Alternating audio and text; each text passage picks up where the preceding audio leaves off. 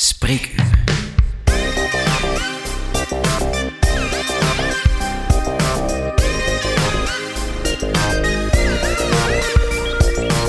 Spreekuur is de podcast waarin ik, dokter Servaas, met experten en bevlogen mensen over gezondheid praat. Samen gaan we op zoek naar inspiratie en motivatie, achtergrond en wetenschappelijke onderbouw en praktische tips en tricks. Welkom bij Spreekuur.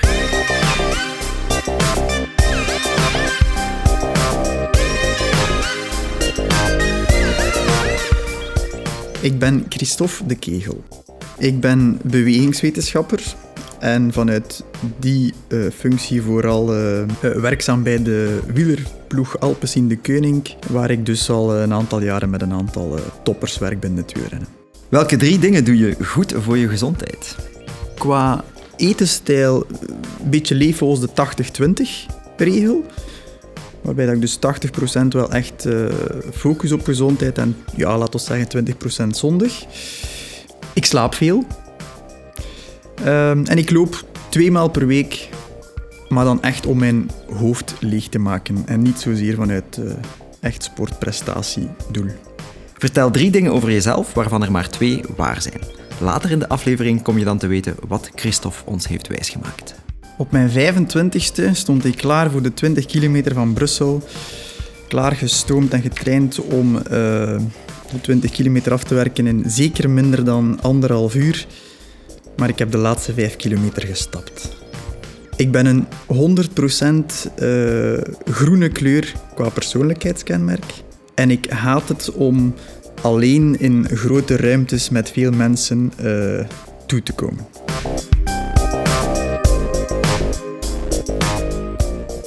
Hallo allemaal en fijn dat je weer afstemt op Spreekuur.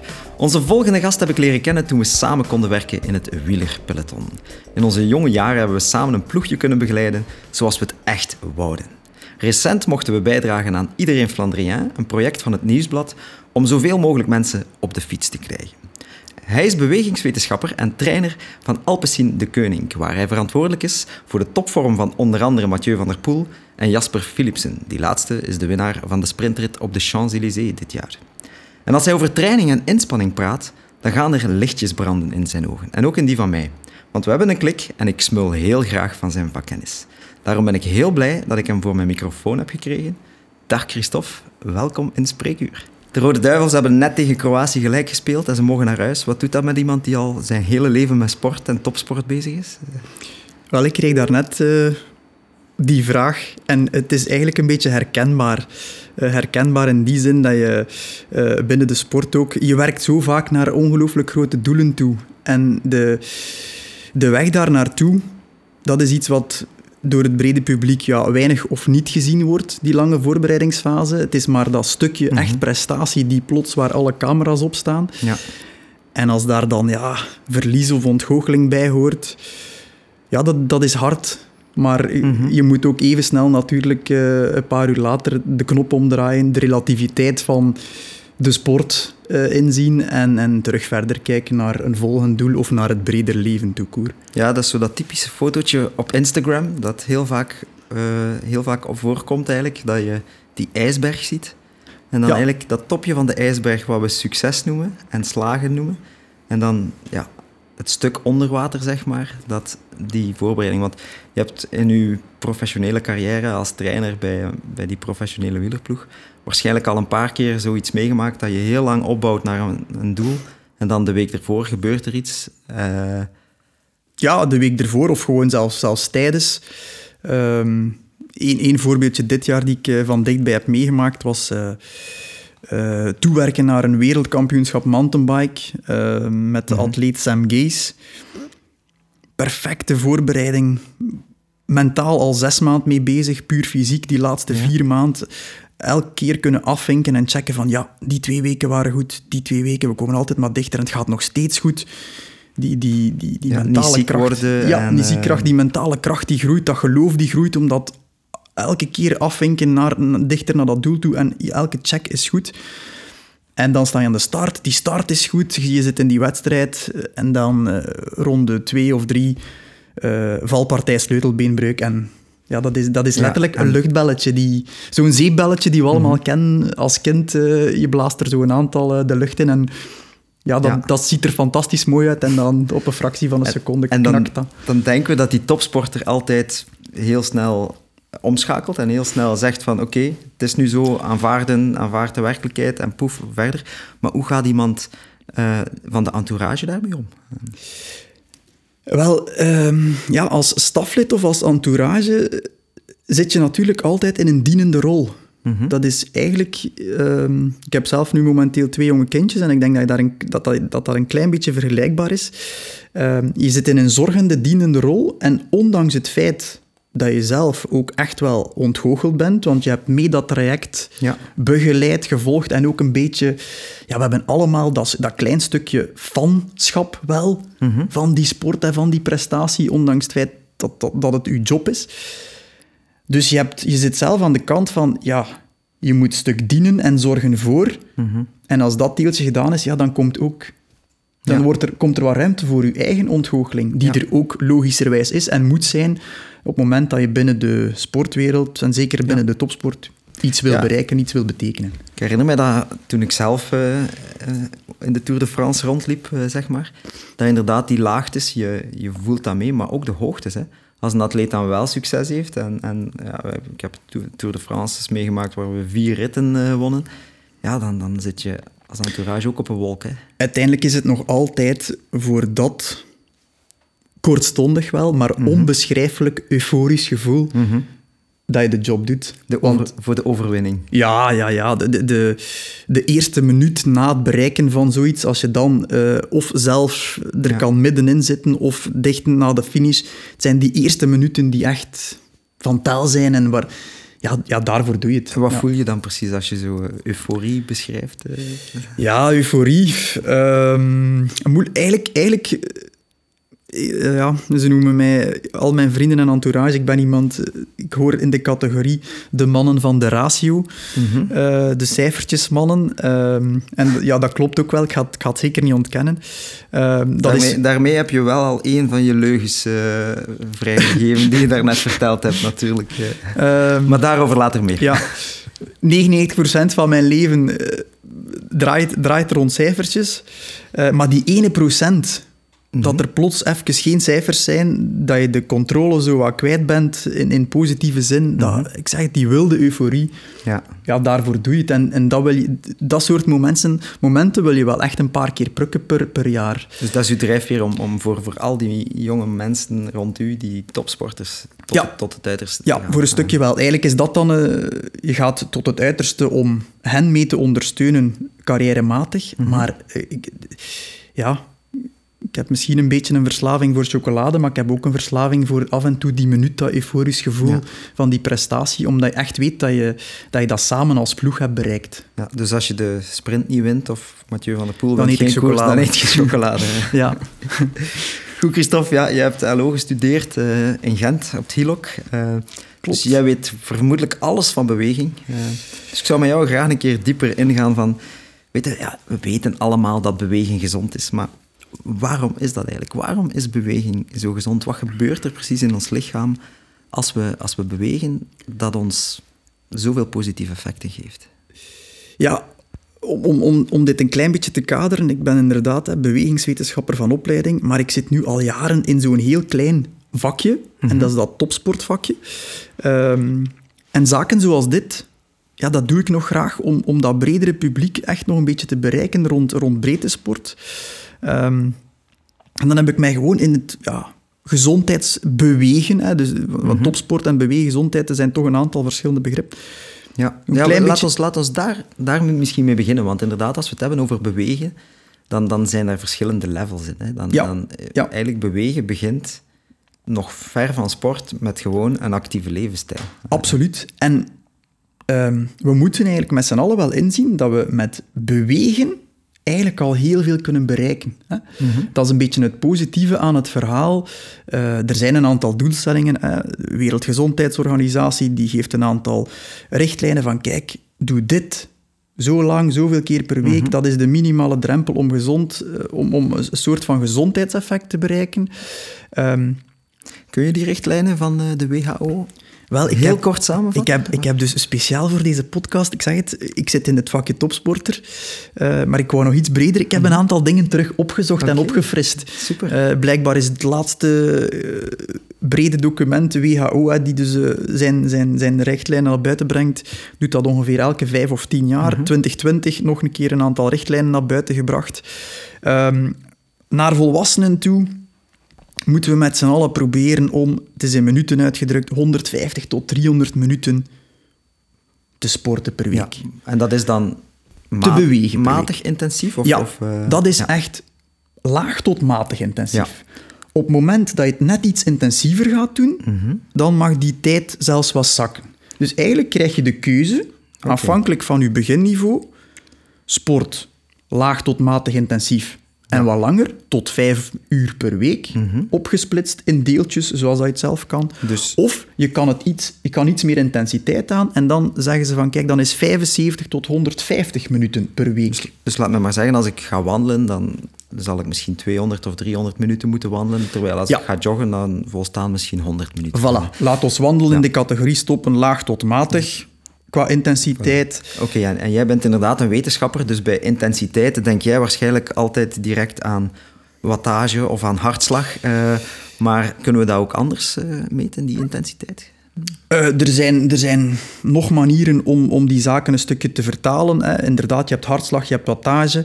Uh, als het over het beweegmodel gaat, waar dat we niet zozeer bezig zijn met de prestatie te meten, mm -hmm. ja, dan, dan, dan gaan we het in kilocalorieën uitdrukken. Want uiteindelijk ga je een beetje gaan kijken naar hoe zit het in energieverbruik. Ja. Uh, de MET-waarde is ook zo'n waarde die mensen soms vaak een keer als ze even Google raadplegen, MET... Ja.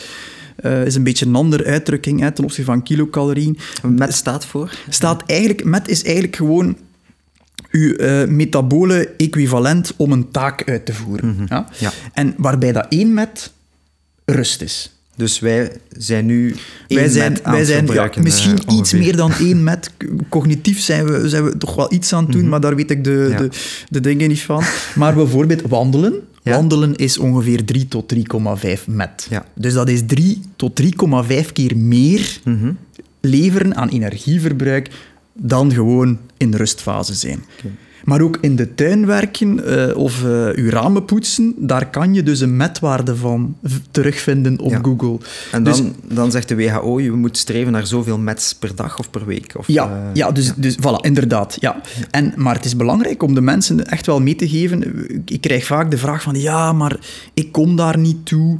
Um, bewegen, mm -hmm. probeer dat in uw leefpatroon te integreren. Uh, we kunnen niet allemaal... Tussen sporten en topsport en bewegen zit een Ja. heel continuum. Bewegen kunnen we wel als, als we allemaal nadenken over hoe ziet onze dag eruit en waar zijn de kleine opportuniteiten binnen de dag. Dan ben ik er eigenlijk van overtuigd dat iedereen uh, manieren vindt om tot aan die 300 minuten per week op een juiste manier te Ja, komen. Zonder dat we daar eigenlijk moeten eh, veel voor gaan herplannen. Bijvoorbeeld onze auto wat verder parkeren. Bijvoorbeeld Ja, een keer ja. de trap nemen in plaats van de lift. Eh, Uiteindelijk ehm, gaat het echt veel om omgevingsfactoren. Ja. Die hebben daar een ongelooflijk grote invloed in. En het is misschien een klein, eh, ehm, kleine uitsmijter, maar ik was bijvoorbeeld vorig jaar in Valencia, mhm. rond de marathonperiode. ja. De stad Valencia. Ik was onder de indruk. Waarom? Daar is iedereen, maar werkelijk iedereen, jong, oud, eh, aan het, laat ons maar zeggen, aan het bewegen. Ja. Maar die stad is qua infrastructuur. Mhm. Ze hebben daar natuurlijk die mooie rivierbedding die drooggelegd is, waar, waar Ja. die, die, die zich dwars door de stad kruist. Die nodigt eigenlijk uit Die- om, om, ja, om te die bewegen. nodigt uit om te bewegen. Het, het loopt daar vol met mensen die bewegen. Je ziet daar zo van die personal trainers binnen de parkjes. Mhm. Ze zijn daar met vijf, zes mensen aan het werken. Er zijn er ondertussen op en af aan het fietsen. Ja. Is dat iets dat je ziet overwaaien naar hier? Ja, laat, laat het ons hopen. Ja. Eh, laat ons hopen dat, dat steden, middelgrote steden, grote steden... Ik, vond, ik, ik, vond, ik was echt onder de Ja. indruk van... Op elk uur van de dag werd daar aan sport gedaan, waren mensen Ja. daar aan het bewegen.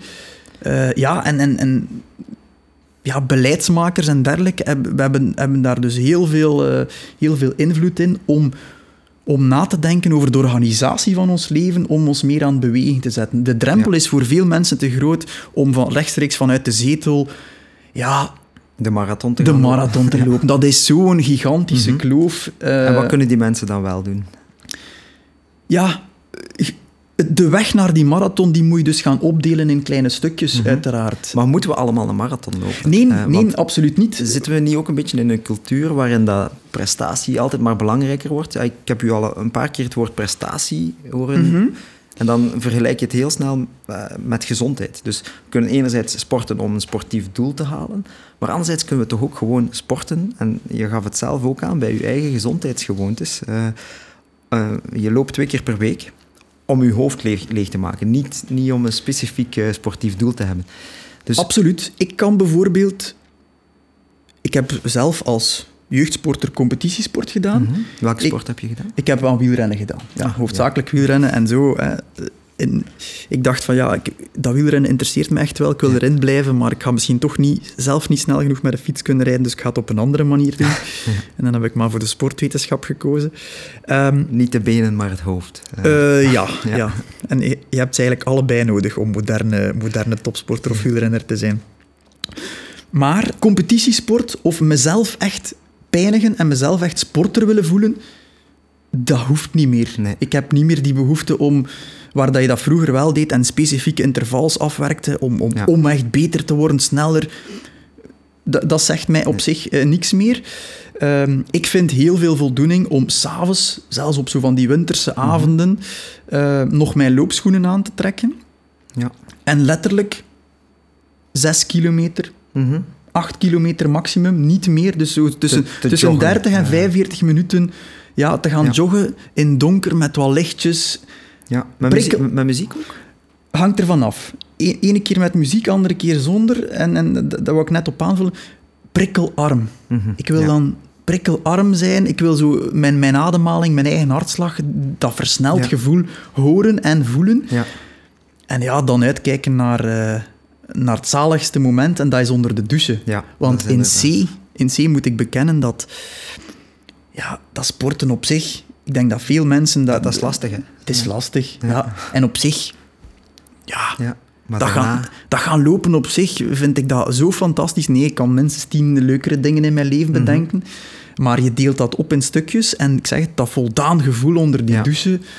Ja, of als je zo een, een, een looptraining gedaan hebt en dan s'avonds kun je echt fysiek vermoeid in je bed kruipen en, en je voelt die spanning op je, op je benen. ja, Is, absoluut. eh, hoe, hoe komt dat eigenlijk? Eh, Wat gebeurt er dan in ons lichaam waardoor dat we ons zo goed voelen? Ja, er gebeurt eigenlijk ehm, sporten, bewegen. eh, en dat is, daarom, daarom is het zo belangrijk dat we dit mee blijven verspreiden. Het is het grootste, krachtigste medicijn ter wereld. Mhm. De, de beweegpil of de sportpil, daar zit, als we, mochten we in de farmacie... Ze kost niks. Ze kost niks. En mochten we dat kunnen uitvinden, eh, farmaceutisch, dan zijn we Ja. gigantisch rijk. Zo'n Want sport in een pilletje. Eh, alles zit erin. mhm. Ehm, ook zowel qua korte termijn effecten als qua lange termijn Ja. effecten. Dus laat ons misschien even gewoon even in de biologie duiken. Dus stel, eh, ik ga gaan lopen. Dus ik raak mijn motivatiedip over. Ik doe mijn loopschoenen aan, ik doe mijn kledij aan en ik vertrek. Eh die eerste minuten heb ik altijd het gevoel van... Allee, ik raak niet in gang. Eh, Ja, een beetje zoeken naar het wat is- opwarmingsgevoel. Wat is, hè. wat is dat het, precies? Ja, ja, het, het uithoudingssysteem Mhm. heeft wel even nodig ja? om op gang te komen. Dus opwarmen is belangrijk. Dus eigenlijk zou ik beter eerst een, een minuutje of twee touwtjes springen voordat ik ga lopen dan? Of, of Ja, het- maar waar touwtjes springen is natuurlijk ook wel plots al een zeer Mhm. intensieve opdracht. Ja. Op musculair niveau eh, is, is dat al vrij intensief. Ehm, ja, vertrek heel rustig qua Ja. lopen of vertrek, vertrek een aantal minuten aan, al, al wandelend, gewoon om die bloedflow Ja. een klein beetje Even stimulans... lichaam Ja, het signaal te geven Voilà. van weten, er komt iets aan. Komt iets aan. Dat we u een beetje op de proef gaan stellen. Want uiteindelijk is sporten het lichaam een beetje op de proef stellen. Eh, ook, het is ook veel veiliger, veronderstel ik, om te sporten als je eerst een beetje rustig opbouwt. Als je onmiddellijk begint te sprinten, eh, dan... eh, Ja, absoluut. En, en dat, is, dat is een van de, van de kleine gevaren van sporten. Ehm, mensen hebben dan op een bepaald moment dan toch de klik gemaakt. mhm. En dan gaan ze er echt in vliegen. Ja. En dan gaan ze En- misschien... En dan gaan ze misschien er net over, hard. zowel fysiek, en dan, dan, dan komt er misschien, een, of, of mentaal er ook over, Mhm. even verbrand van, ja, ik ga het doen en ik ga het nu plots zes keer per week doen. Ja. Ja, laat ons misschien met twee à drie keer proberen en, en zo opbouwen. Ga, kies voor iets die, die je kan volhouden, zowel fysiek als Ja. mentaal. Is dat ook die 10%-regel die in de trainingsleer vaak gebruikt wordt? Eh, Van als je in week 1 zoveel getraind hebt, dat je er de week die volgt maximum 10% mag bijleggen? Ja, je kan, je kan inderdaad bij wijze van een beetje basisstructuur aan te brengen, kan je Mhm. trapsgewijs de load van week tot week Ja. wat gaan opbouwen. Eh, er zijn daar verschillende vormen. Je kan in een drie weken systeem werken, in een vier weken systeem, waarbij dat je de weken telkens inderdaad met, een, met, met bijvoorbeeld 10% wat zwaarder maakt. Ah ja. Na drie of vier weken dan toch de trap die je opgebouwd hebt, eventjes terug Mhm. naar de begintrede min of meer te gaan en voor één eh, ja, herstel of herstelweek te gaan eigenlijk. Ja, rustweek is misschien eh, een, een verkeerd woord. Ja. Herstel belangrijk, waarom? Omdat het is pas in dat soort weken dat alles wat je Ja. daarvoor... Je hebt je lichaam eigenlijk een klein beetje pijn gedaan. Mhm. Eh, er gebeurt van alles. Je gaat wat ontstekingsreacties in je lichaam eigenlijk ja, uitlokken. Dus Uitlokken. eigenlijk maakt het sporten ons lichaam een klein beetje kapot, Eigenlijk wel. waardoor ons lichaam in een soort herstelmodus gaat. En het ten nadien, als je het de ruimte en de tijd geeft om te herstellen, er sterker uitkomt. Ja, dus eigenlijk word je niet beter van te sporten, maar je wordt beter van het herstel en Ja. de rust te nemen tussen twee sportsessies door. Maar die balans, Mhm. dat is dus niet makkelijk. En gelukkig, want anders eh, als ik, had ik geen job. Ja. Eh, die balans eh, vinden tussen, ehm, ja, tussen, tussen trainen of tussen bewegen en sporten, tussen het actieve deel en het passieve deel, Mhm. ja, dat is een klein beetje zoeken. Ja. Ja, want als ik dan even naar mijn weekschema van sporten kijk, dan is het, eh, als ik eh, vier keer tot een sportsessie kom, is het een zeer goede week geweest. Eh, omdat ik, maar als je dan kijkt naar de mannen die jij dagdagelijks begeleidt, die zitten quasi elke dag op hun fiets en niet voor 40 minuutjes of een uurtje zoals ik, maar voor vier, vijf uur. Klopt, en dat is ook een klein beetje identificatie, Mhm. is ook iets waar ik dus heel vaak mee geconfronteerd word. Ja. Ehm, Bedoel Mensen, die bewegen of die, aan, die, die interesse hebben voor sport, ehm, die beleven ook sport vaak vanuit de zetel dan. Mhm. Ja. Eh, dus dat deel hoort, hoort er ook bij. En gaan zich identificeren met. ja. Maar En wat wil dat dan zeggen? daarin schuilt een van de gevaren. Identificeer u niet met die topsporter. Dat voor die topsporter, beroepssporter, Mhm. is het dus zijn dagdagelijks taak. Het is zijn leven. Hè? Mhm. Het is, het Ja, is, zeker in het wielrennen. Hè. Die mannen moeten er heel veel voor, Ja. voor doen en laten. En het is een leven die zij ook trapje voor trapje hebben opgebouwd. Wordt ook vaak vergeten. Op het Mhm. moment dat wij met z'n allen naar een bepaalde topprestatie kijken, we hebben het daarnet over de ijsberg gehad, dan gaan daar jaren aan Mhm. Ja. voorbereiding aan vooraf. Laat ons misschien Remco een keer als voorbeeld nemen. Ehm, Ja, bijvoorbeeld. En Remco? Rem, Remco is nog, nog, een, eh, nog, nog, eigenlijk nog een heel echt eh, jonge atleet. Eh, dus voor hem is het allemaal heel snel gegaan, door, door, een gigantisch, gigan- gigantisch talent. Maar ook daar zie je dat hij nu al een aantal trapjes heeft genomen. Hè. Vorig jaar Mhm. was hij bijna half afgeschreven. eh, vonden we dat de trappen niet, niet snel genoeg gingen. Het jaar daarvoor had hij natuurlijk in de ravijn gelegen. Eh, Ja, on- ja dat, bijvoorbeeld. Dat, verge- dat vergeten we soms. ja, eh. ja, klopt. Wel, dus dat is terug Ja. van nul. Fysiek, ook mentaal niet te onderschatten in de ravijn liggen. Revalideren, dus dan Ja. zijn, die, zijn die prikkels nog... Dat is iets anders dan, dan, dan echt trainen. Dus heel dat proces door, om dan stapje voor stapje die load op te bouwen. Ja. En dan terug te komen tot een atleet die, die, trein, die terug trainbaar is en die weer voldoende eh, load aan kan. Ja. Maar dat vraagt dus inderdaad... Ja, dat vraagt tijd. tijd. Laten we even teruggaan naar, naar onze loopsessie. Dus we zijn opgewarmd en we zijn, eh, we zijn aan het joggen. En we joggen voor 20, 30, 40 minuutjes. Eh, wat gebeurt er op dat moment dat we in die, in die zone zitten? Want je, hebt, je kan sporten eigenlijk in, in verschillende zones. Hè. In, in de Amerikaanse literatuur spreken ze vaak van zone 2, 3, 4, 5. Eh, wat wordt daar precies mee bedoeld? Dus nu hebben we het over het intensiteitszones. Ja, de Ja, intensiteitszones. Ja, ja wel, als, als we bewegen of sporten een klein beetje gaan opdelen. ehm, we hebben een uithoudingscomponent, we hebben een krachtcomponent En dan heb je zo'n compo- componentje, ja, lenigheid, balans, daar zitten ook een aantal zaken. Een loopsessie richt zich vooral op de uithoudingscomponent. Ja. Afhankelijk van de intensiteit waarin dat we sporten, ehm, we kunnen een sportprestatie wel, wel, wel indelen tussen een, een uithoudingsloopje, waarbij dat dus echt heel rustig eh, gaat, gaat, gaat bewegen. Die eigenlijk conditionele basisopbouw zijn. Ja, dus voor, inderdaad. voor gezondheidsredenen zijn dat de, is dat de beste zone voor. Dus de ideale zone eh, is ook een zone die heel weinig risico's inhoudt. Naar blessures toe. Is een zone vaak meegeven aan mensen van kijk, eh, ga bewegen en zorg dat je op zijn minst nog in volzinnen tegen Ja. elkaar kan Dat je praten. nog kan praten Ja, eigenlijk. eh. dan zal, er, eh, dan zal de prikkel voldoende zijn. Uw bloed zal dus een stuk sneller rondgaan ten opzichte van in uw zetel zitten of in uw bed liggen. Eh, uw lichaam eh, ja, is actief bezig, Ja. eh, vervoert van allerlei productjes en hormonen die vrijkomen van naar. Ehm, Dat is ook het type sport dat je kan doen na het eten bijvoorbeeld. We zeggen vaak als we, als we bijvoorbeeld iets te zwaar gegeten hebben, dan moeten we ons even zetten om eh, te laten verteren. Maar als je dan een wandelingetje maakt, gaat het vaak, gaat het vaak makkelijker. Een, een, een stevige wandeling is ideaal qua spijsvertering. Ja. Eh, wij, wij hebben heel veel renners op stage die eh, na het avondmaal, Mhm. want zij moeten natuurlijk wel wat voeding stapelen en koolhydraten stapelen om iedere keer klaar te zijn Om voor die lood de volgende dag. Je ziet er heel veel. We zitten dan hè, vaak op stage, eh, leuke zonnige omgeving. Je ziet er heel veel na het avonddiner Mhm. gaan een wandeling maken. Niet, niet lang als rennen natuurlijk, maar zo vij- 15 minuten, 20 minuten. Ja. Eventjes stevig wandelen. Klein beetje extra bloedcirculatie.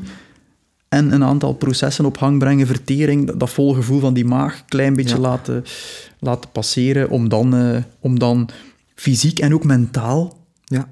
rustig richting bed te kunnen. En ook om te kunnen stoppen met eten. Want als je dan in de zetel gaat zitten, dan ga je vaak eh, die suikerdip krijgen en vaak nog de neiging hebben om nog iets extra te eten. Dus dat is misschien ook een goede tip om te zeggen van kijk, na het eten, kort wandelingsje, 10, 20 minuutjes is meer dan genoeg.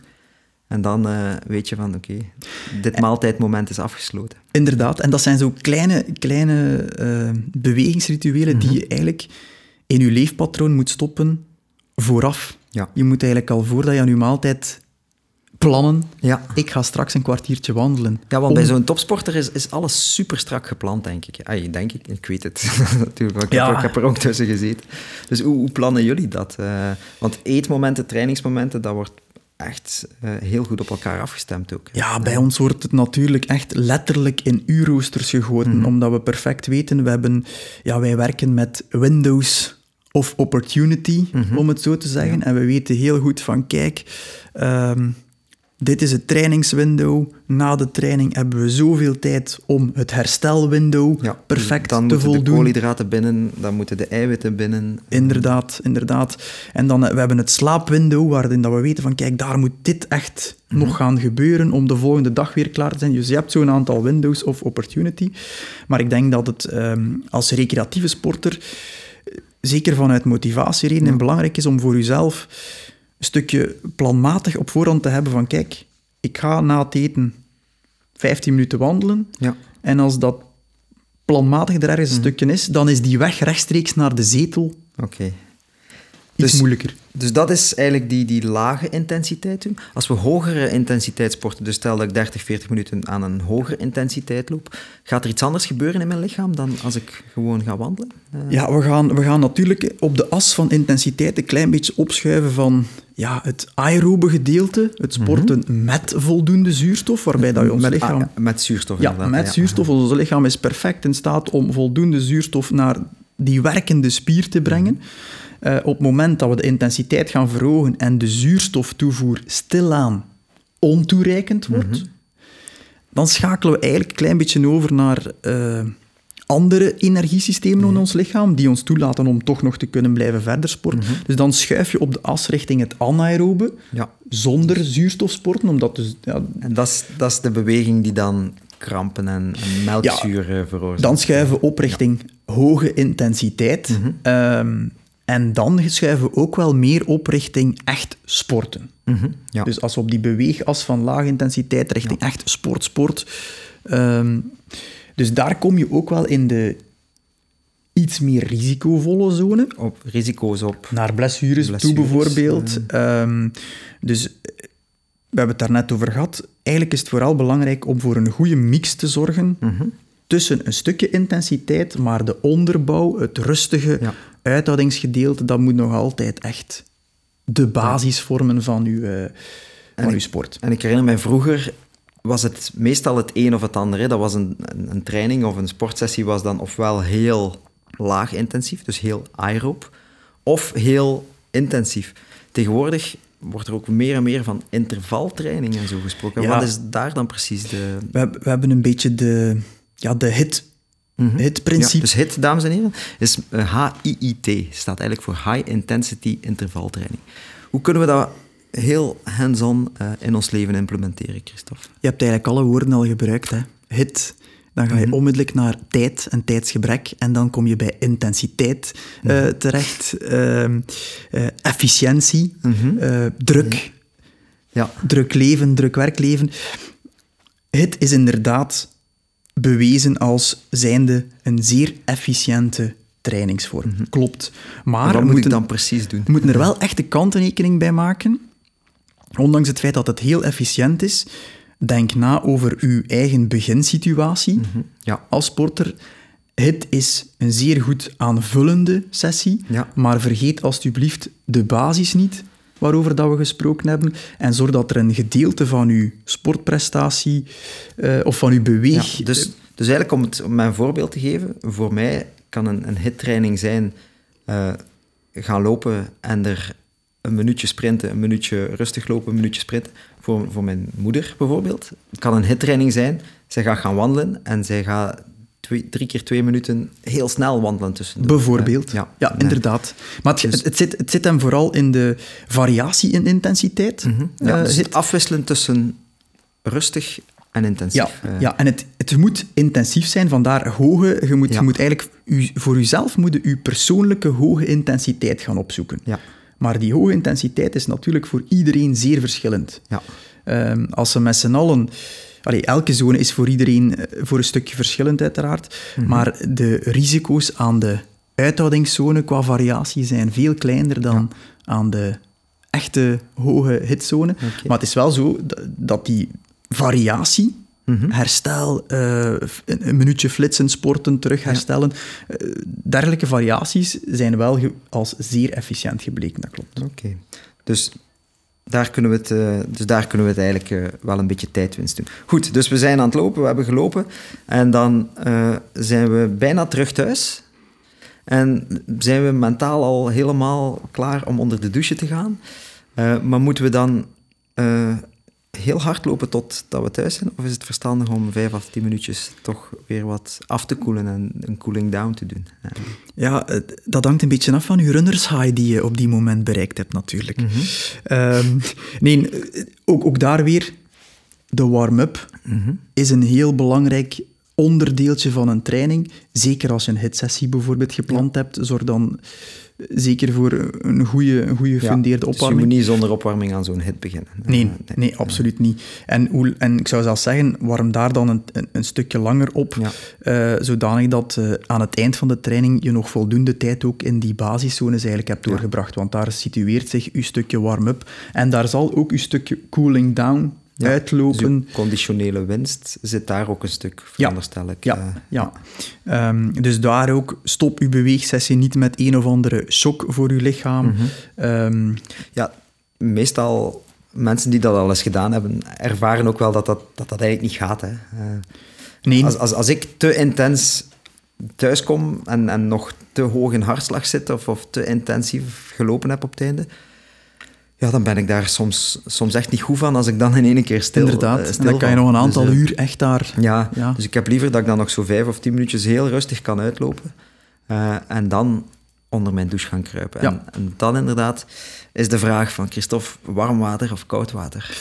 Oef, ik beken, bij mij is het warm water. Altijd?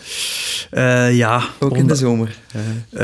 Ook in de zomer, ja. Hmm. Ja, in de, ja in, de, in de zomer wel een stuk.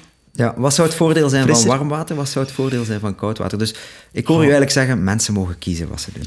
Ja, kiezen. Ik vind, ik vind warm water zo gezellig. Ja. Ik heb het nog... heb- ja. Ondanks, ondanks een aantal eh, effecten ehm, Ja. over, over, op, op- van koud water op herstel en zo, zeker, zeker als het gaat om, om lopen, waarbij dat je toch wel wat micro-spierschade Ja. echt gaat creëren. Bij fietsen is dat, eh, is dat iets anders en is die, Maar die schade veel Uw kleiner. renners, als ze boven komen op een berg in de Tour de France, steekt je in een ijsbad. Eh, ja, maar ja, die worden daar zo goed voor betaald. eh, maar zelf, eh, zelf Dus toch dat is een straf onder- eigenlijk voor die man. zelf toch liever onder warmen. Dus nee, het is wel zo. We hebben een aantal, eh, dus we hebben wel zo'n aantal rituelen en dat vind ik zelf ook niet erg. En dat doe ik zelf eigenlijk ook wel. Ja? Ik, moet- ik geef toe, ik heb in de coronaperiode eh, eigenlijk echt heel veel gelopen. ja.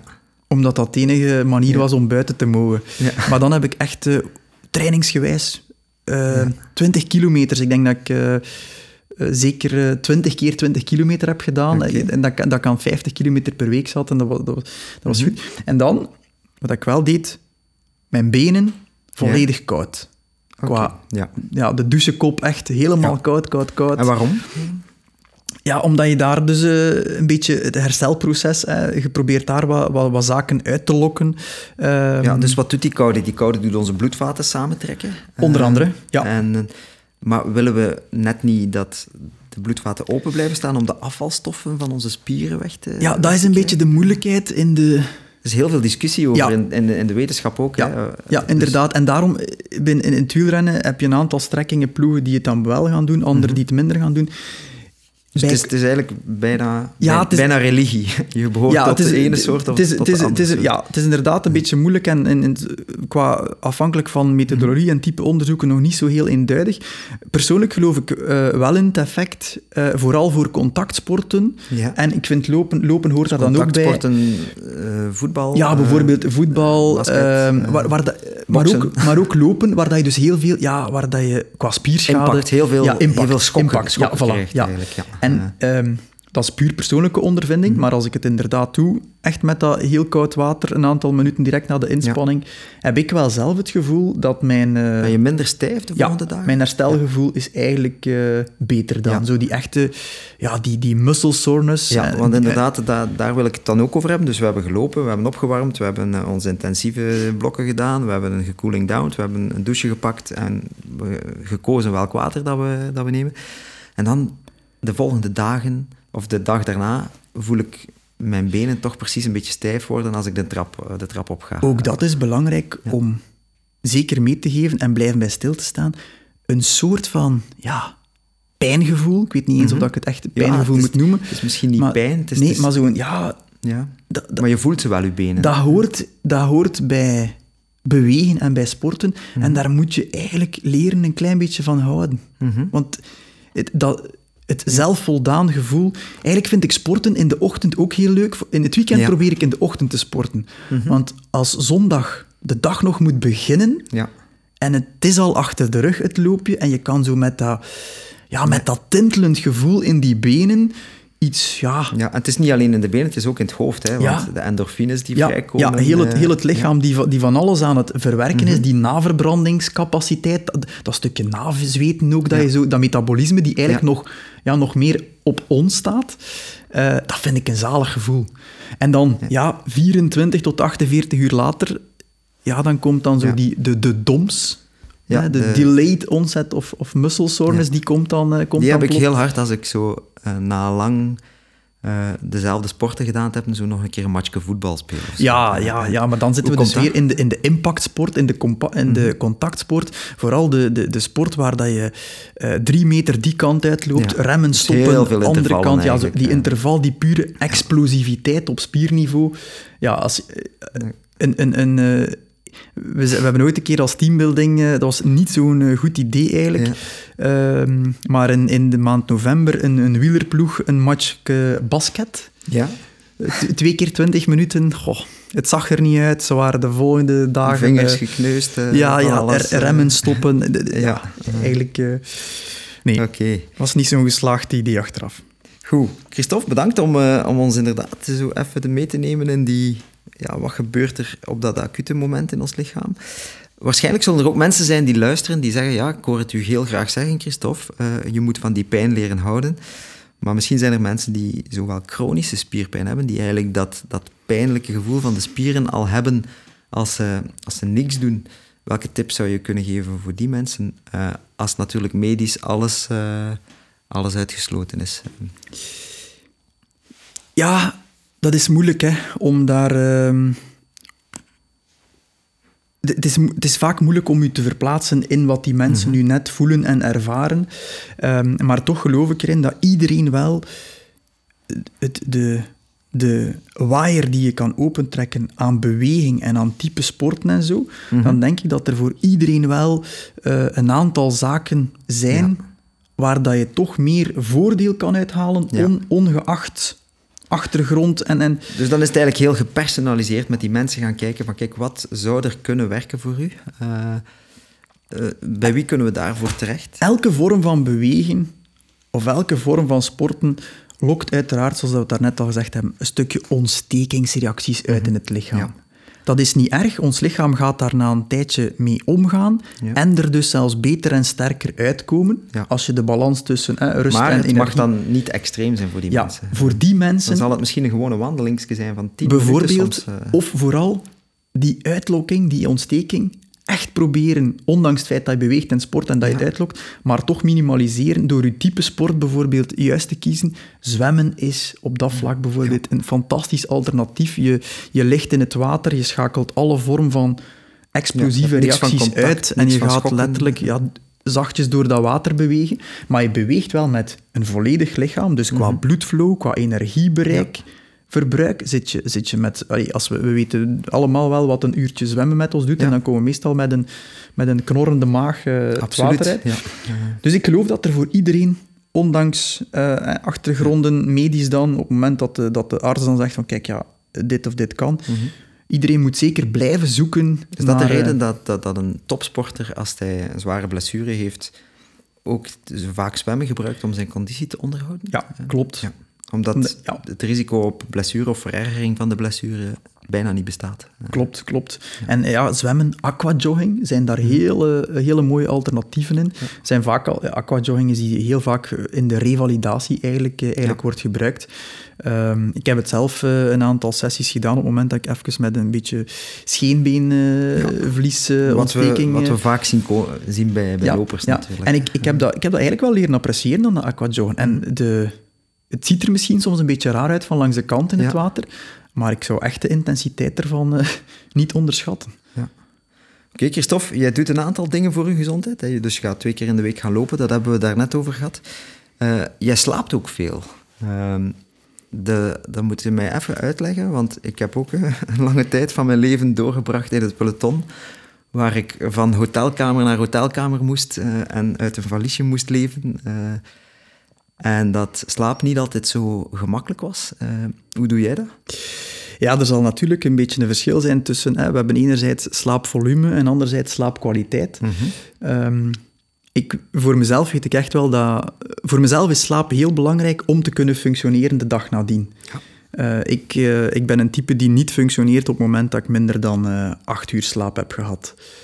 Dus je slaapt elke, dag, uh, elke nacht acht uur? Uh, nee, dat heb ik, dat heb ik niet gezegd.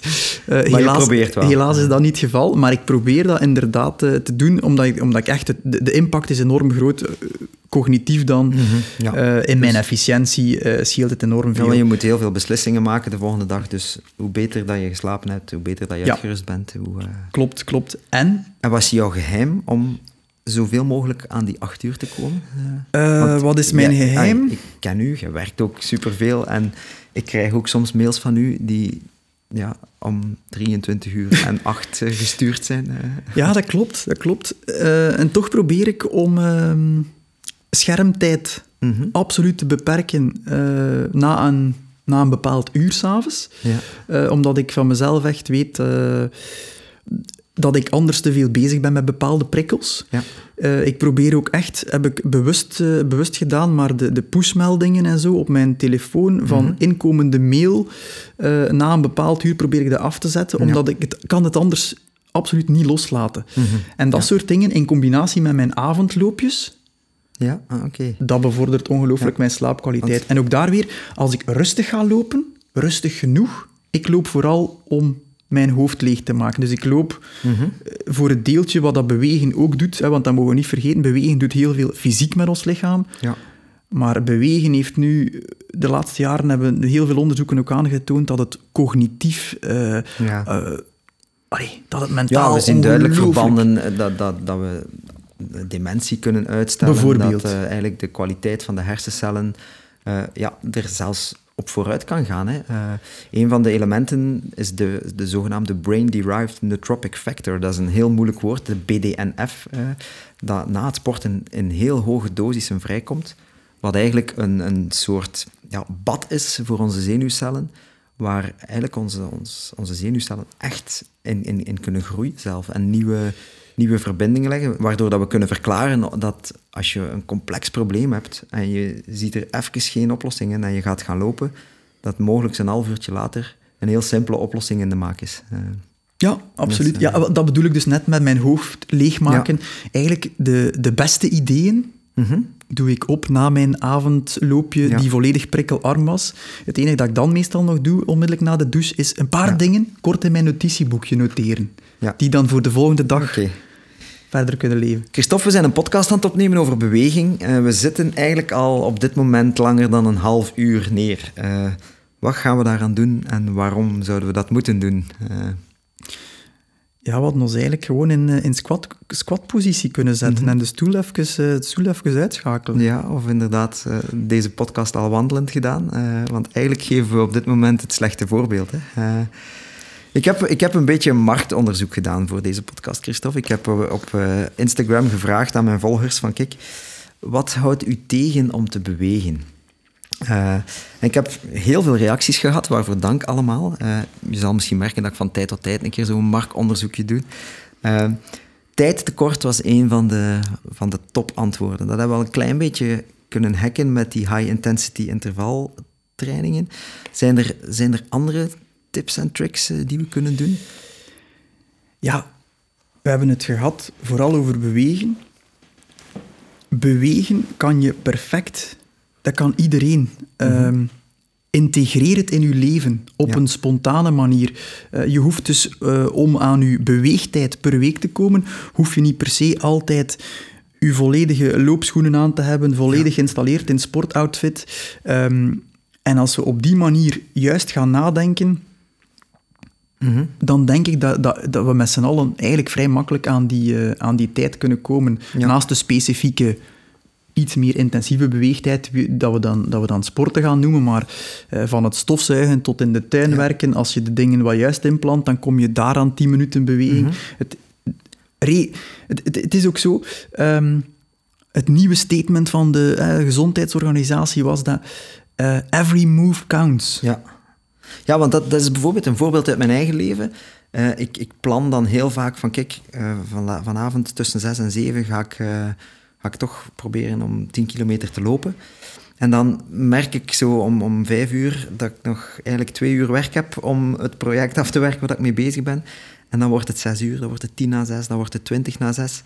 En dan heb ik, ben ik bijvoorbeeld maar om 20 na 6 klaar. En dan denk ik van ja, nu heb ik ook niet meer de tijd om die volle 10 kilometer te lopen. Dus dan kom ik maar niet meer buiten. Maar zou ik dat niet beter loslaten? Ja, ja, dat vind ik wel. Is het dan Eh, beter om toch misschien 2 of 3 kilometer bij wijze van spreken te gaan lopen? Eh, Ja, ja, ja want ja, als, we, als, we het echt over, als we het echt hebben over beweging, eh, maakt dat dus verschil. En het, het, mooie, het mooie daaraan is, mensen die dus ehm, niets bewegen, hè, dus die echt, laten we Ja. zeggen, sedentair zijn, dat is de grootste risicogroep. ja, Maar die zit wel aan de kant, aan de juiste kant van de dosis-effect Ja, curve ja. of relatie. om heel snel effect te hebben. Ja, ook, voilà. Zij zitten aan de ja. kant dat tussen 0 uur bewegen en 2 uur bewegen, dat Ja. zij daar al van de meeopbrengst ongelooflijk veel kunnen uithalen. Dat is een van de meest gekende curves uit de sportwetenschap. Dat is eigenlijk het verband tussen uw risico op ziekte en het aantal uur dat je sport. En dat is een, een soort U-vormige curve waarbij mensen die niet bewegen, dus de couch potato, zoals we in het Engels zeggen, of de zetelpatat, zoals we in het Ja. Nederlands zeggen, dat die een heel hoog risico hebben om ziek te worden. Dat dat risico altijd maar zakt tot op een bepaald niveau dat je eigenlijk te veel, te veel sport gaat gaan doen. Dus, en dat is waar die meeste topsporters zitten, dat die eigenlijk te veel sport doen, waardoor hun risico op ziekte weer super hoog is. Dat zien we heel vaak in de Tour de France. Als er één renner van een ploeg ziek is, worden er heel vaak de volgende dagen twee of drie renners van dezelfde ploeg uh, ziek. Hè? Ja, absoluut. Bij renners gaan we echt natuurlijk tot een beetje de, het, het, uiterste van die curve. Um, mm -hmm. Waardoor dat voor hen, ja, de immuniteit, dat is, dat is een heel, heel dunne grens. Ja. Uh, terwijl dat, als je aan de juiste kant van de curve bent, gaat je immuniteit, als, als, als je lichaam in balans is door de, door de ja. sportprikkels of beweegsprikkels die je geeft, gaat je immuniteit verhogen. Ja, en natuurlijk ga je, ja, ga je echt aan het randje gaan zitten. Ren, renners en topsporters zijn zo... Dus ja. topsport is eigenlijk absoluut niet, niet gezond te noemen. Een ander dat heel vaak uh, terugkwam was... Uh, ja, ik heb... Eigenlijk, ik, ik hou het niet lang genoeg vol om resultaat te zien. Dus mensen beginnen meestal te sporten ook met de wens om een bepaald resultaat te zien. Soms is dat resultaat uh, een getal op de weegschaal dat ze willen naar, naar beneden zien gaan. Soms is dat een getal in de in de prestatie. Ik wil in plaats van 10 kilometer wil ik uh, 20 kilometer kunnen lopen. Um, daar komt uw ijsberg natuurlijk uh, terug, uh, terug naar boven. Hè. Ja, we leven helaas in een instantmaatschappij. Hè. Mm -hmm. Wij willen alles plots. We stoppen ergens een jeton in de muur en dan moet het, de beloning moet instant ja. uit de muur... instant gratification. kopen, ja. komen. Um, ja, daar kan ik alleen maar meegeven. Uiteraard, sporten is iets die vooral ja, waar dat je voor een mm -hmm. stukje moet in investeren, ja. om dan eenmaal over de drempel daar plots dan in sneltreinvaart een aantal effecten van Maar dat bestaat krijgen. dus effectief wel. Die drempel...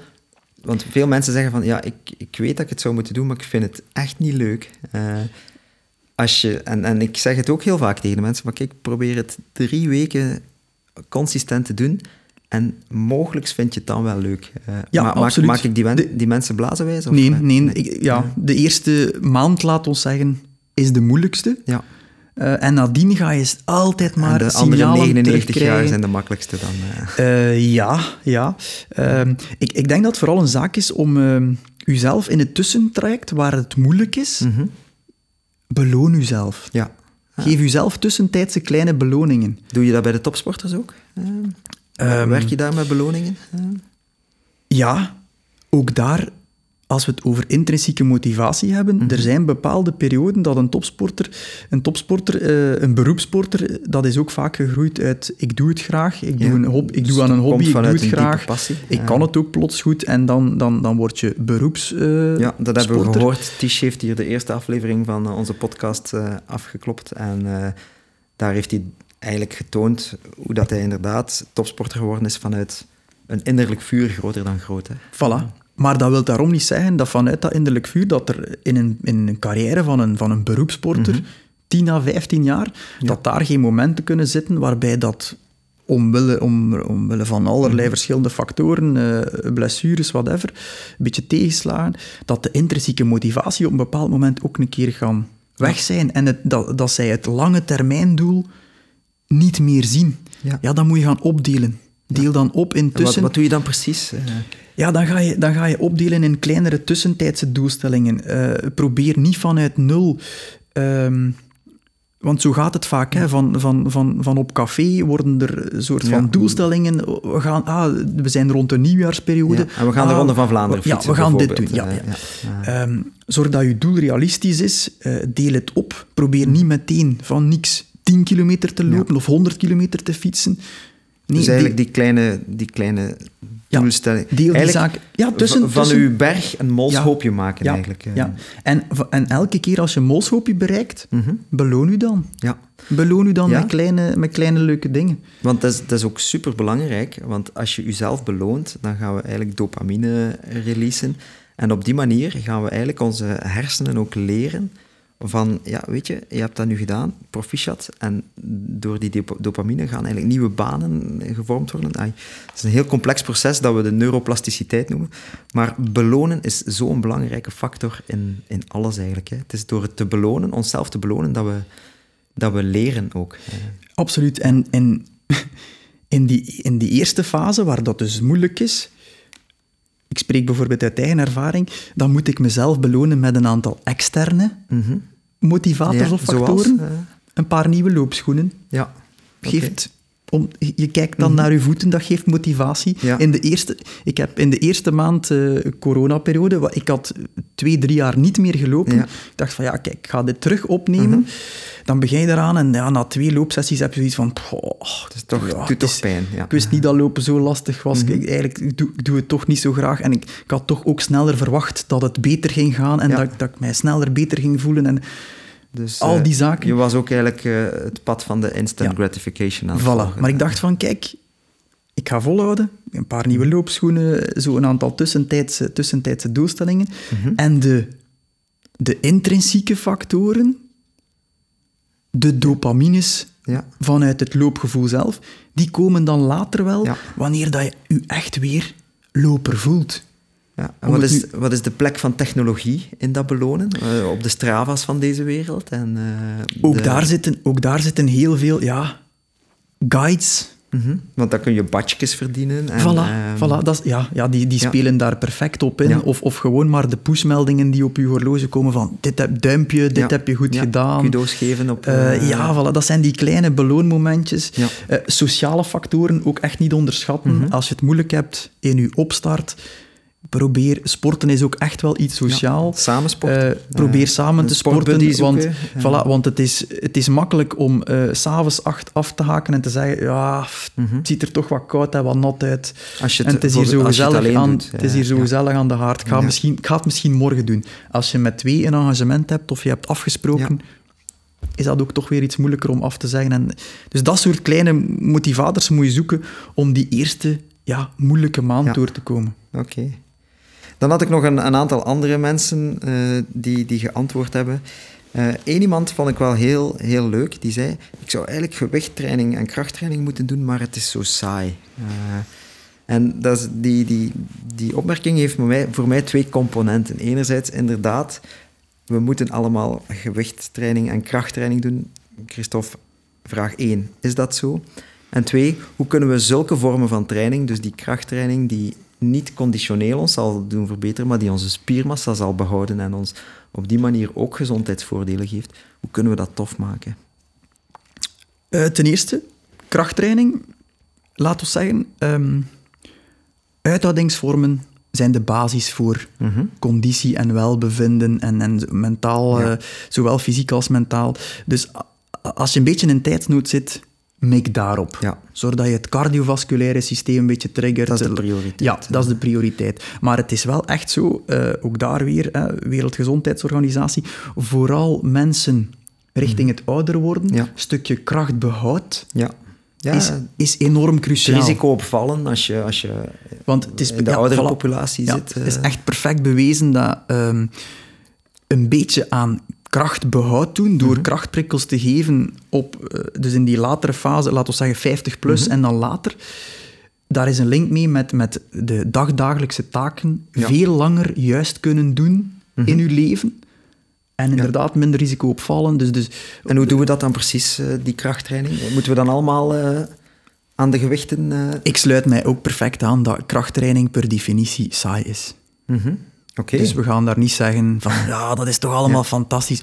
Nee, en waar, dat- dat je, waar dat je dan bij je duursport zegt van kijk, gebruik de wereld als je fitness of, of, en, en integreer het in je leven, kunnen we dat met kracht ook niet doen, op een of andere manier. Maar er zijn krachtvormen en er bestaan ondertussen heel veel krachtvormen ehm, die gegeven worden in bepaalde circuitjes, parcoursen. Het, het, we moeten een beetje Ja, af van, we gaan, twee, halt, we gaan twee halters vastnemen en we gaan tien keer links, tien keer rechts. Het kan veel dynamischer, veel functioneler. Ja. Het kan ook veel opener. Eh.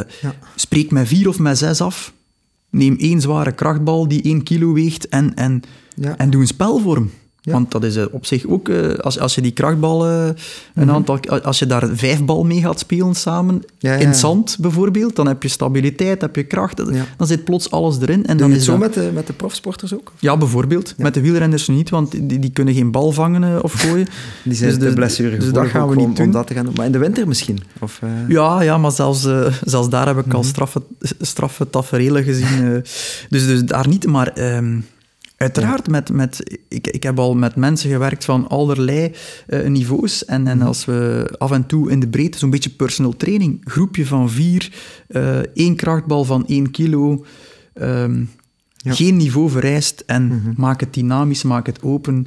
Uh, dus Is er een verhouding? Hoeveel procentueel, als je zegt van ik heb, ik heb in, in de week drie uur tijd om te trainen, hoeveel tijd moet ik dan de, de, in verhouding, en hoeveel tijd moet ik dan in de kracht? De aanbeveling in verhouding hangt een klein beetje af van de leeftijd. Dus het is zo hmm. dat uh, naar, uh, de, vanaf 50 plus wordt, dat kracht, wordt die krachtcomponent eigenlijk, eigenlijk belangrijk. vrij belangrijk. Ja. dat, dat, dat krachtbehoud is belangrijk, omdat we... Ja, uh, het is een beetje de helaasheid, maar vanaf ons 25ste levensjaar gaat onze spiermassa achteruit eh, met 10% per decade, per 10 jaar. Ja, dat is, uh, dat is een serieus cijfer als je mhm. er echt over nadenkt. Ja, maar het is uh, dat ook dat je, dat je ziet in, in, als je naar het rusthuis gaat. Hè, en, en we hebben het in corona ook gezien. Mensen met meer spiermassa hadden veel minder complicaties van, uh, van een ernstige infectie. Hè. Ja, ja. Om daar eventjes dan een, een verhouding op te plakken, hè, dus die mhm. hangt af van de leeftijd, maar, maar standaard is het, is het zo dat we ongeveer ja, dat de aanbeveling ongeveer echt twee derde gaat naar dus uithouding, naar het cardiovasculaire. Ja, voilà. En, en een derde gaat, gaat ongeveer naar een beetje, naar een beetje krachtbehoud. Oké, Christophe, wij leren onze gasten hier graag wat beter kennen bij Spreekuur. En jij hebt mij in het begin van deze aflevering drie feiten over jezelf verteld. Ik moet nu proberen raden wat uh, waar was en wat niet waar was. Maar ik wil het graag op een uh, akkoordje met jou gooien. Uh, namelijk, aangezien dat jij graag loopt en ik loop graag, dat als ik het juist heb, dan lopen we samen de halve marathon van Gent uh, eind maart. Wat denk je? Ja. Eind maart, halve marathon. Ja, dat, dat, is, nog, dat is nog een mooie doelstelling. Maar had ik geweten dat er zo'n, uh, zoiets vast aan... Uh, dan ging, ging, ik het iets moeilijker gemaakt hebben, mijn okay. drie... en ik zie Hillert achter de knoppen zitten. Hillert, jij doet ook mee, hè? ja. Eerst heb je gezegd dat je aan de start van de 20 kilometer van Brussel stond, dat je die wou lopen onder het anderhalve uur en dat je de laatste vijf kilometer gestapt hebt. De tweede zei, ik, ik heb een groene kleur van persoonlijkheid. We gaan dat straks uitleggen. En ten derde heb je gezegd dat je grote ruimtes haat uh, om alleen binnen te komen. Dus eigenlijk een soort agorafobie, uh, zeg maar. Uh, het, zijn grote ruimtes vol mensen. Vol mensen. Het gaat vooral over het, het sociale ja, aspect. Okay. je houdt niet van te, te, veel drukte. Goed, Christophe, even die groene kleur. Er, er, bestaat zoiets in de wereld, ik ga dat even uitleggen als de, de insights-profilering, waarbij dat we eigenlijk de persoonlijkheidsprofielen van mensen in kleuren gaan gieten. je hebt vier kleuren. Je hebt de rode kleur, de blauwe kleur, de groene kleur en de gele kleur. De gele kleur staat voor mensen die heel associatief en heel creatief zijn. De groene kleur staat voor mensen die heel zorgzaam en heel empathisch zijn.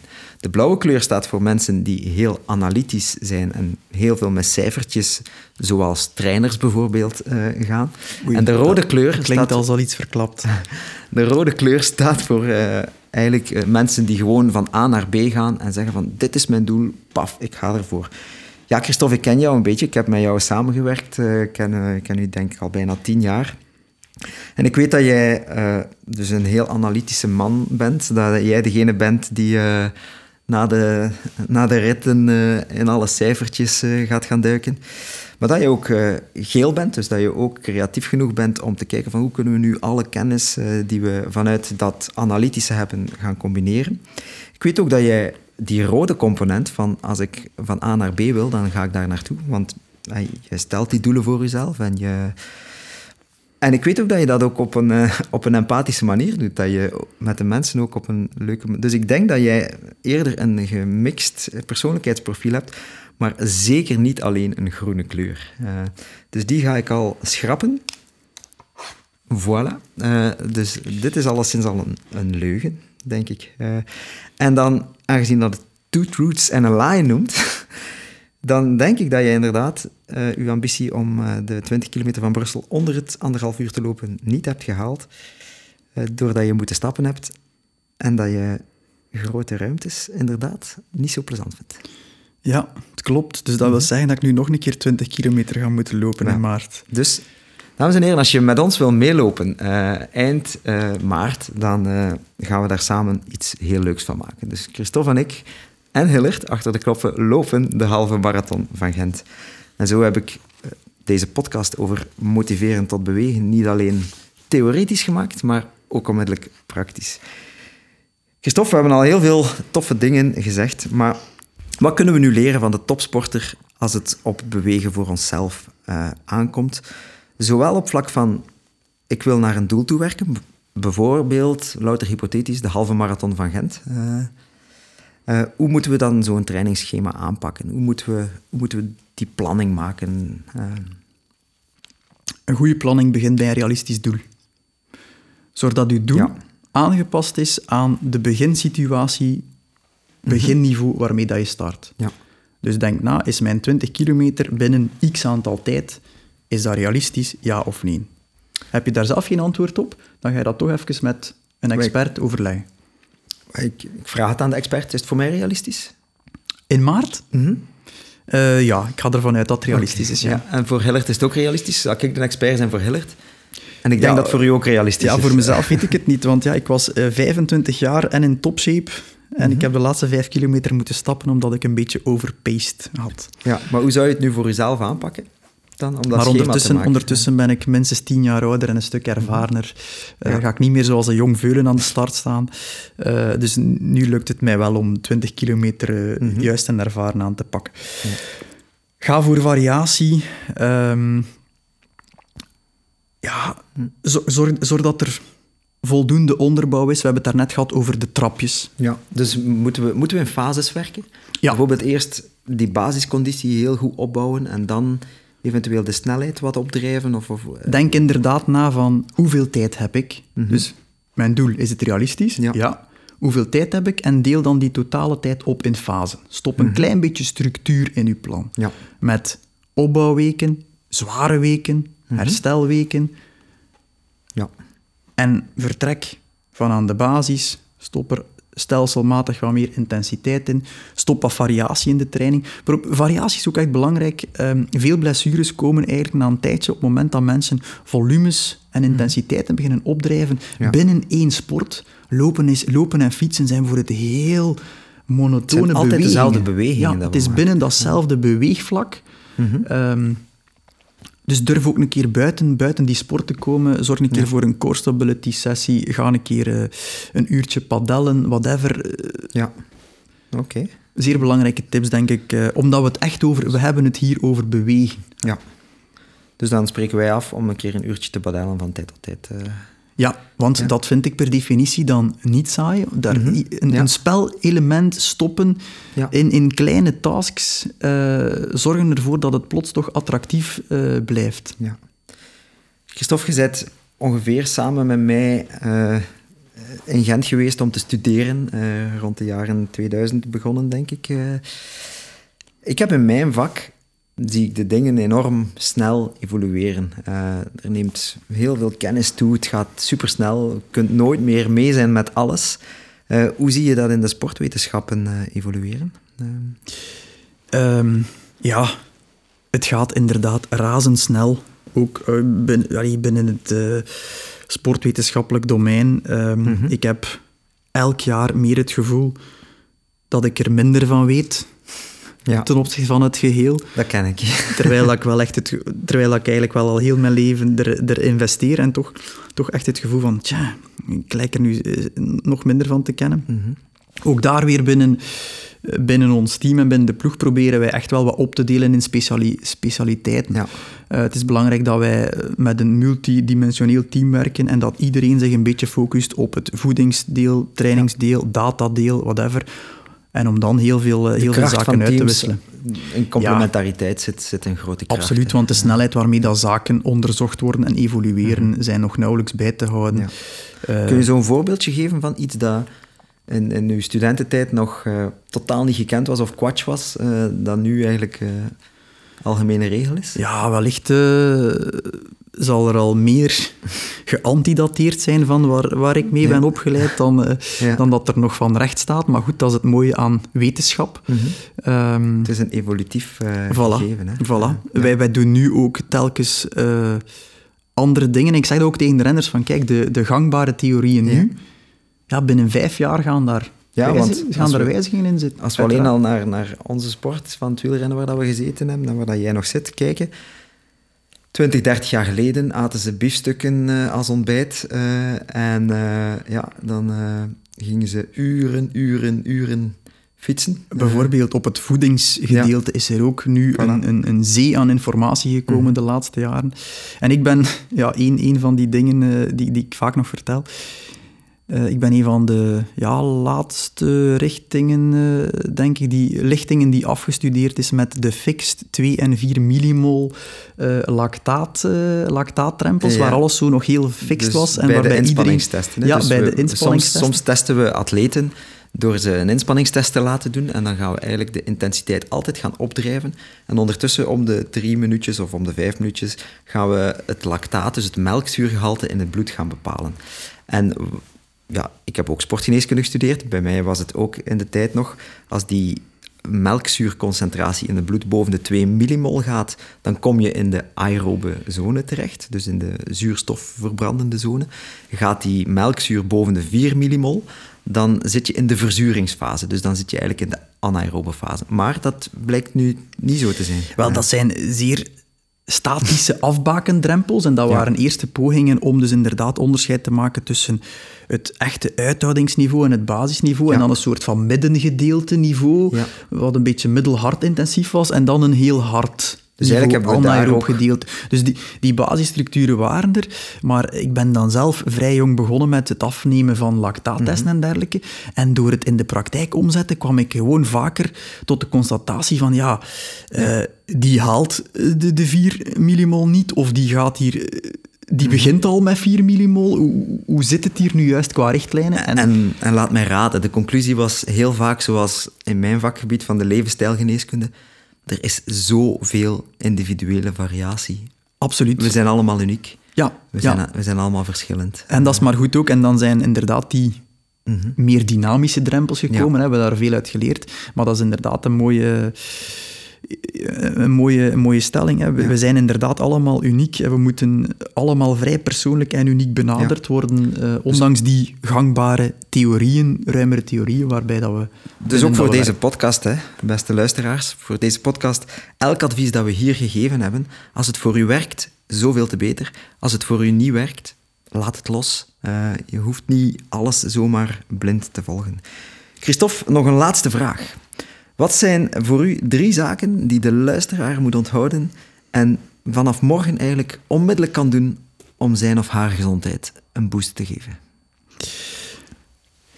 Vooral meegeven dat uh, sporten veel meer is uh, bewegen.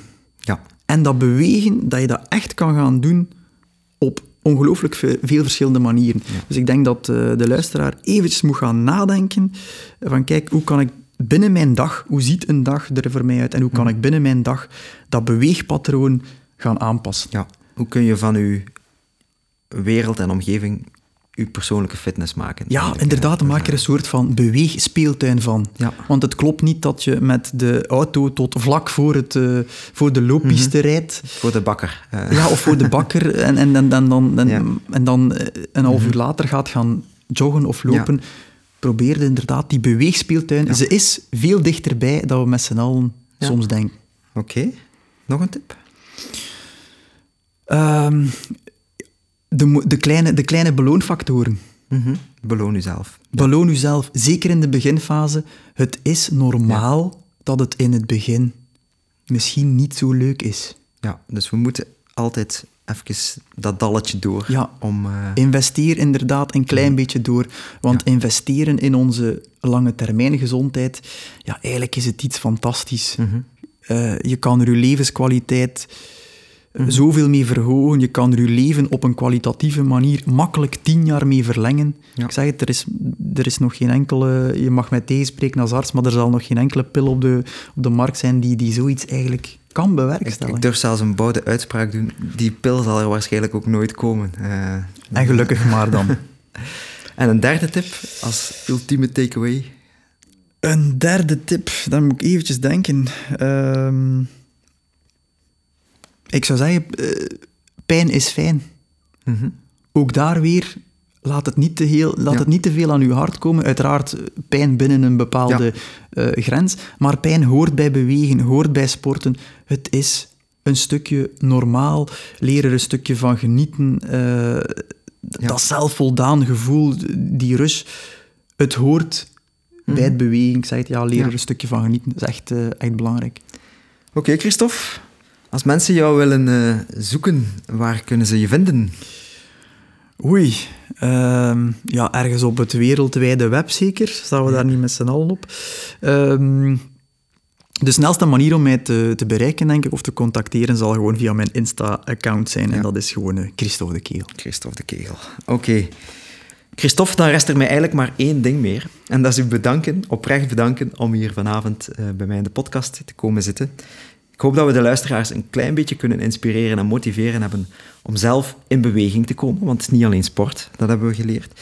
En als je voldoende in beweging komt en het is een realistisch doel voor u, dan zien we u heel graag op de halve marathon in Gent, beste luisteraar. En dan wens ik u enkel nog te bedanken voor de steun en om deel uit te maken van onze community op weg naar de gezondheidsrevolutie. Dit was Spreekuur. Bedankt, beste luisteraar, om deel uit te maken van de gezondheidsrevolutie. De show notes van deze aflevering kun je terugvinden via dokterservaas.be podcast. Heb je zelf ook een vraag voor het open spreekuur, dan kan je die daar ook opnemen. Je vindt op de websitepagina bovenaan een instuurknop en als je daarop klikt, dan kom je terecht in een audioruimte waar je je